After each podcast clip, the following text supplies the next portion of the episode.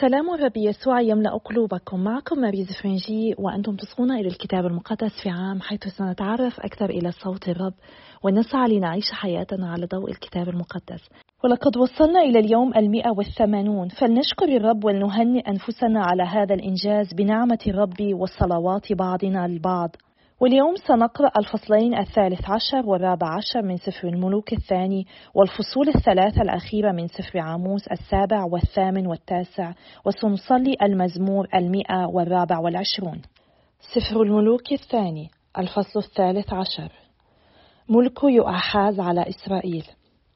في السنة الثالثة والعشرين ليؤاش بني أحزيا ملك يهوذا ملك يؤحاز بنو ياهو على إسرائيل في السامرة سبع عشرة سنة وصنع الشر في عيني الرب وسار على خطايا يربعام بني نباط الذي جعل إسرائيل يخطئها ولم يعرض عنها. فغضب الرب على إسرائيل وأسلمه إلى يد حزائيل ملك أرام وبنهدد بني حزائيل جميع أيام. فاسترضى يؤحاز وجه الرب فاستجابه الرب لأنه رأى ضيق إسرائيل الذي ضايقه به ملك أرام. وأعطى الرب إسرائيل مخلصا فخرج من تحت أيدي الأراميين وأقام بنو إسرائيل في خيامهم كما كانوا أمس فما قبله إلا أنهم لم يعرضوا عن خطايا بيت يربعام الذي جعل إسرائيل يخطأها بل ساروا عليها ولم يبرح الوتد المقدس أيضا منتصبا في السامرة ولم يبكي الرب ليؤحاز سوى خمسين فارسا وعشر مركبات وعشرة آلاف راجل لأن ملك أرام أبادهم وجعلهم مثل التراب الذي يداس. وبقية أخبار يؤحاز وكل ما صنعه وبأسه. أفليست مكتوبة في سفر أخبار الأيام لملوك إسرائيل؟ واضطجع يؤاحاز مع آبائه ودفن في السامرة وملك يؤاش ابنه مكانه. ملك يؤاش على إسرائيل. وفي السنة السابعة والثلاثين ليؤاش ملك يهوذا ملك يؤاش بنو يؤحاز على إسرائيل في السامرة ست عشرة سنة وصنع الشر في عيني الرب ولم يعرض عن جميع خطايا يربعام بني نباط الذي جعل إسرائيل يخطأها وسار عليها. وبقية أخبار يؤاشى وكل ما صنعه وبأسه الذي حارب به أمصيا ملك يهوذا. أفليست مكتوبة في سفر أخبار الأيام لملوك إسرائيل؟ واضطجع يؤاش مع أبائه وجلس يربعام على عرشه ودفن يؤاش في السامرة مع ملوك إسرائيل.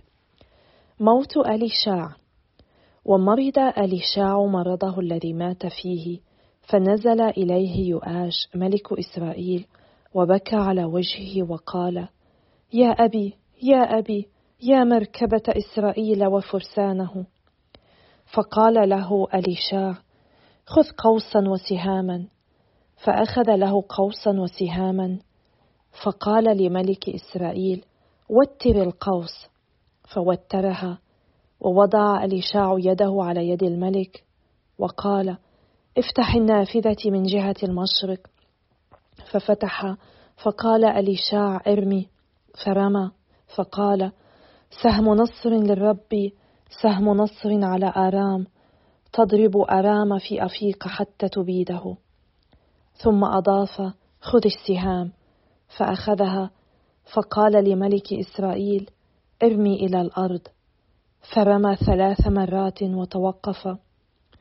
فغضب عليه رجل الله وقال لو رميت خمس مرات أو ستا لكنت حينئذ ضربت أرام حتى أبدته. والآن فثلاث مرات فقط تضرب أرام. ثم مات أليشع ودفنوه. وكان غزاة مؤاب يدخلون تلك الأرض عند دخول السنة. وكان هناك أناس يقبرون رجلا فأبصروا الغزاة فألقوا الرجل الميت في قبر أليشع وانصرفوا. فلما مس الرجل عظام أليشع عاش وقام على قدميه. الانتصار على آرام.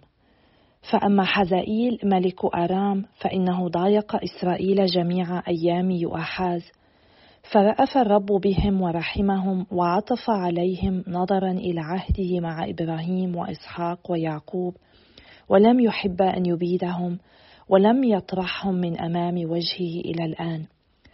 ثم مات حزائيل ملك أرام وملك بن هدد ابنه مكانه فعاد يؤاش بن يؤحاز وأخذ من يد بنهدد بني حزائيل المدن التي كان قد أخذها. من يد يؤحاز أبيه في الحرب. وضربه يؤاش ثلاث مرات واسترد مدن إسرائيل. الفصل الرابع عشر. المملكتان حتى الاستيلاء على السامرة. ملك أمصيا على يهوذا وفي السنة الثانية ليؤاش بني يؤاحاز ملك إسرائيل ملك أمصيا بنو يؤاش ملك يهوذا وكان ابن خمس وعشرين سنة حين ملك وملك تسعا وعشرين سنة في أورشليم واسم أمه يعدان من أورشليم وصنع ما هو قويم في عيني الرب ولكن لا كداود أبيه وعمل بحسب كل ما صنعه يؤاش أبوه. إلا أن المشارف لم تزل ولم يبرح الشعب يذبح ويحرق البخور على المشارف. ولما استتب الملك في يده قتل ضباطه الذين قتلوا الملك أباه. وأما أبناء القاتلين فلم يقتلهم جريا على ما كتب في سفر شريعة موسى حيث أمر الرب قائلا لا يقتل الآباء بالبنين ولا يقتل البنون بالآباء. بل كل امرئ بخطيئته يقتل. وضرب من الأدوميين في وادي الملح عشرة آلاف وأخذ الصخرة في الحرب ودعاها يقطئيل إلى هذا اليوم. حينئذ أرسل أمصيا رسلا إلى يؤاش بني يؤحاز بني ياهو ملك إسرائيل قائلا هلم نتواجه فأرسل يؤاش ملك إسرائيل إلى أمصيا ملك يهوذا قائلا إن الشوك الذي في لبنان أرسل إلى الأرز الذي في لبنان وقال زوج ابنتك لابني. فمر وحش الحقل الذي في لبنان وداس الشوك. إنك قد ضربت أدوم ضربة فارتفع بك قلبك. فافتخر وامكث في بيتك. فلماذا تتعرض للشر فتسقط أنت ويهوذا معك؟ فلم يسمع أمصيا فصعد يؤاش ملك إسرائيل وتواجها هو وأمصيا ملك يهوذا في بيت الشمسلة ليهوذا. فانكسر يهوذا من وجه إسرائيل وهرب كل واحد إلى خيمته.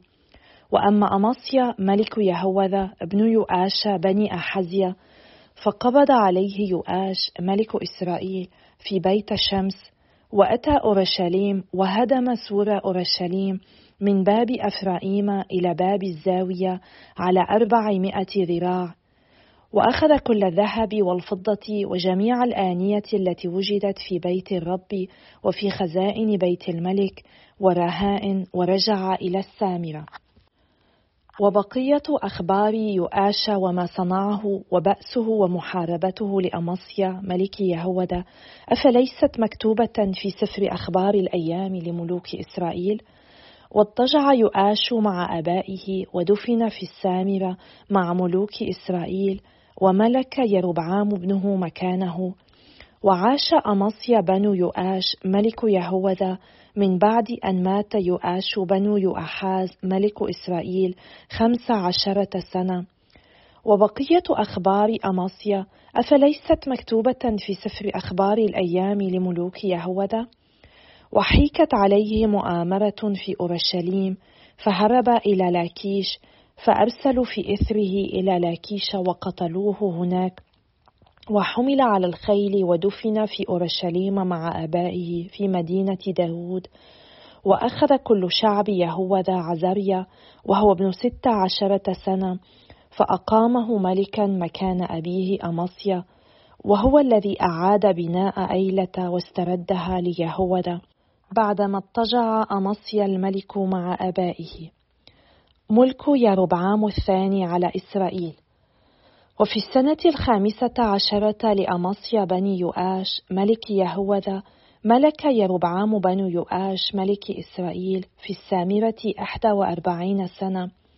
وصنع الشر في عيني الرب ولم يعرض عن جميع خطايا يربعام بني نباط الذي جعل إسرائيل يخطأها وهو الذي رد حدود إسرائيل من مدخل حماة إلى بحر العربة على حسب قول الرب إله إسرائيل الذي تكلم به على لسان عبده يونان بني أميتاي النبي الذي من جد حافر لأن الرب رأى شقاء إسرائيل مريرا جدا ولم يكن لهم عبد ولا طليق لإغاثة إسرائيل. ولم يتكلم الرب بمحو اسم إسرائيل من تحت السماء فخلصه عن يد يربعام بني يؤاش. وبقية أخبار يربعام وكل ما صنعه وبأسه الذي حارب به واسترجاعه لإسرائيل دمشق وحماة التي كانت ليهوذا أفليست مكتوبة في سفر أخبار الأيام لملوك إسرائيل؟ واضطجع يربعام مع أبائه مع ملوك إسرائيل. وملك زكريا ابنه مكانه. سفر النبي عاموس الفصل السابع. الرؤى الرؤيا الأولى الجراد. هكذا أراني السيد الرب إذا به يكون جرادا في بدء طلوع خلفة النبات وكانت الخلفة التي بعد حصاد الملك. فلما فرغ من أكل عشب الأرض قلت أيها السيد الرب اغفر فكيف يقوم يعقوب؟ فإنه صغير. فندم الرب على ذلك وقال لا يكون. الرؤيا الثانية الجفاف. هكذا أراني السيد الرب. إذا بالسيد الرب يدعو إلى المحاكمة بالنار فأكلت الغمر العظيمة وأكلت الحقول. فقلت أيها السيد الرب كف فكيف يقوم يعقوب؟ فإنه صغير. فندم الرب على ذلك وقال السيد الرب وذلك أيضا لا يكون. الرؤيا الثالثة المطمار. هكذا أراني إذا بالسيد قد وقف عند حائط من الفولاذ وبيده مطمار فقال لي الرب ماذا أنت راء يا عموس؟ فقلت مطمارا. فقال السيد ها أنا ذا أجعل مطمارا في وسط شعب إسرائيل ولا أعود أعفو عنه. فتدمر مشارف إسحاق وتخرب مقادس إسرائيل وأقوم على بيت يربعام بالسيف. نزاع بين عموس وأمصيا فأرسل أمصيا كاهن بيت إيل إلى يربعام ملك إسرائيل قائلا إن عموس يتآمر عليك في وسط بيت إسرائيل. لا تطيق الأرض احتمال جميع كلامه لأنه هكذا قال عموس. يربعام بالسيف يموت وإسرائيل يجلى عن أرضه جلاء. وقال أمصيا لعموس أيها الرائي انطلق واهرب إلى أرض يهوذا وكل هناك خبزك وتنبأ هناك. وأما بيت إيل فلا تعد تتنبأ فيها لأنها مقدس الملك وبيت من بيوت الملك. فأجاب عموس وقال لأمصيا إني لست نبيا ولا ابن نبي إنما أنا راعي بقر وواخز جميز. فأخذني الرب من وراء الغنم وقال لي الرب انطلق وتنبأ لشعب إسرائيل. فالآن اسمع كلمة الرب. أنت تقول لا تتنبأ على إسرائيل ولا تفض على بيت إسحاق. لذلك هكذا قال الرب. إن امرأتك تزني في المدينة وبنيك وبناتك يسقطون بالسيف وأرضك تقسم بالحبل وتموت أنت في أرض نجسة وإسرائيل يجلى عن أرضه جلاء. الفصل الثامن. الرؤيا الرابعة. سلة الفواكه الصيفية. هكذا أراني السيد الرب إذا بسلة فواكه صيفية فقال ماذا أنت راء يا عموس؟ فقلت سلة فواكه صيفية. فقال لي الرب قد أتت النهاية لشعب إسرائيل فلا أعود أعفو عنه فتصير أغاني القصر والوالا في ذلك اليوم يقول السيد الرب وتكثر الجثث وتلقى في كل مكان بصمت. دم الغشاشين والمستغلين. اسمعوا هذا يا دائسي الفقير لإفناء وضعاء الأرض قائلين. متى يمضي رأس الشهر فنبيع الحبوب والسبت فنصرف القمح؟ مصغرين الإيفة ومكبرين المثقال ومستعملين موازين غش. مشترين الضعفاء بالفضة والفقير بنعلين وبائعين نفاية القمح. أقسم الرب بفخر يعقوب لا أنسى عملا من أعمالهم للأبد. أفلا ترجف الأرض بسبب ذلك وينوح كل ساكن فيها؟ تطم كلها كالنيل وتطفح ثم تنخفض كنيل مصر. انذار بالعقاب ظلام ومناحه ويكون في ذلك اليوم يقول السيد الرب أني أغيب الشمس عند الظهيره وأعتم الأرض في رائعة النهار وأحول أعيادكم نوحا وجميع أناشيدكم رثاء وأضع المسح على كل حقو والقرع على كل رأس وأجعلها كمناحة على وحيد ونهايتها كيوم مرير. تعطش إلى كلمة الله. ها إنها ستأتي أيام يقول السيد الرب. أرسل فيها الجوع على الأرض لا الجوع إلى الخبز ولا العطش إلى الماء بل إلى استماع كلمة الرب. فيمضون مترنحين من بحر إلى بحر ومن الشمال إلى المشرق ويطوفون في طلب كلمة الرب فلا يجدونها. إنذار ثان بالعقاب. في ذلك اليوم يغمى على العذار الحسان وعلى الشبان من العطش. إن الذين يحلفون بإثم السامرة ويقولون حي إلهك يدان وحية طريق بئر سبعة يسقطون ولا يقومون بعد ذلك. الفصل التاسع والأخير. الرؤيا الخامسة. سقوط المقدس. رأيت السيد واقفا على المذبح فقال اضرب تاج العمود. ولترتجف الأعتاب. حطمها على رؤوسهم جميعا وسأقتل بقيتهم بالسيف فلا يهرب منهم هارب ولا ينجو منهم ناج. إن خرقوا مثوى الأموات فمن هناك تأخذهم يدي. أو صعدوا إلى السماء فمن هناك أنزلهم. وإن اختبأوا في رأس الكرمل فمن هناك أبحث فآخذهم. أو استتروا من أمام عيني في قعر البحر فمن هناك آمر الحية فتلسعهم.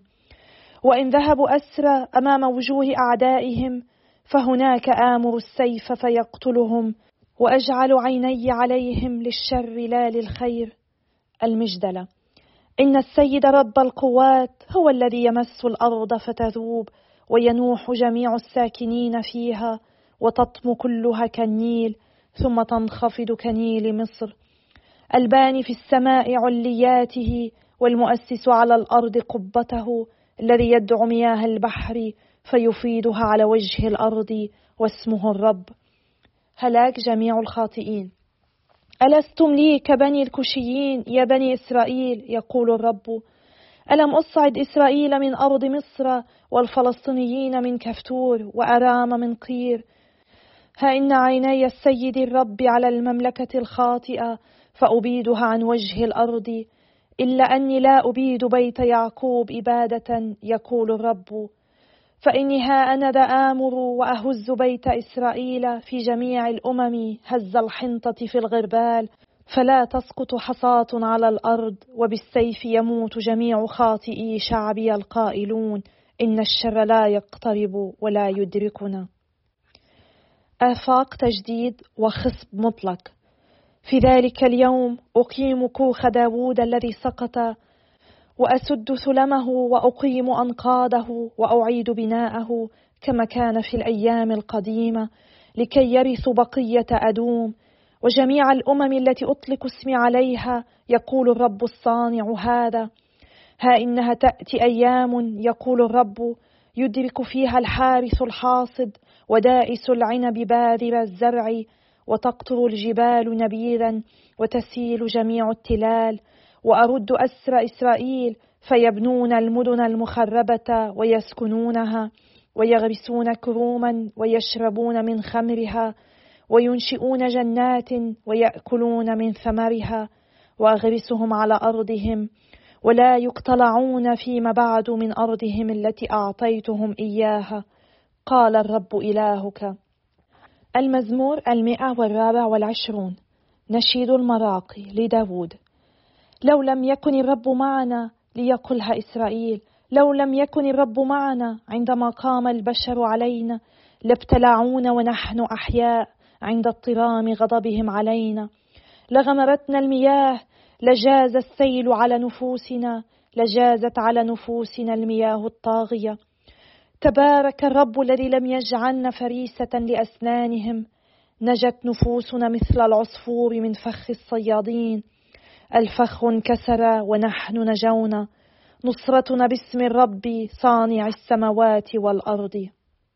أيها الآب السماوي إننا نسبحك نحمدك ونشكرك يا رب.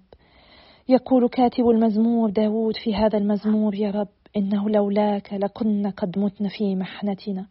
كم صحيح هذا يا رب؟ إنه لولاك لكنا قد هلكنا منذ زمن بعيد. لولاك يا رب لولا كل ما فعلته بإظهار رحمتك ومحبتك العظيمة لنا. ولكن يا رب أنت تساعدنا على الهروب أنت تساعدنا حتى يومنا هذا. ونسألك يا رب أن تستمر بأن تساعدنا حتى نعود إليك حتى ننتمي إليك في كل لحظة من حياتنا. باسم يسوع نصلي آمين. باسم الآب والابن والروح القدس الإله الواحد آمين. في نهاية قراءتنا لسفر عاموس قرأنا عن خمس رؤى وتنقل قائمة الرؤى رسالة الله إلى الشعب من خلال صور معتادة ومعروفة مثل أسباب الجراد والنار ومطمار البناء. وقد شهد عاموس مرتين رؤيا لعقاب إسرائيل المزمع وكان رد فعله الفوري الصلاة حتى يعفو الله عن إسرائيل. وفي هذا درس لنا بأهمية الصلاة وقوتها. وعلينا أن نتذكر دائما أن نتشفع من أجل وطننا ومن أجل الآخرين. في النهاية برغم تشفع عاموس عن الشعب عاقبهم الله لأن إسرائيل استمرت في عصيانها. عاموس كما فعل هوشع كان يذكر إسرائيل أن ما سينتظرهم الآن هو الدمار بدلا من النعمة والرحمة لأنهم تخلوا عن طريق الرب.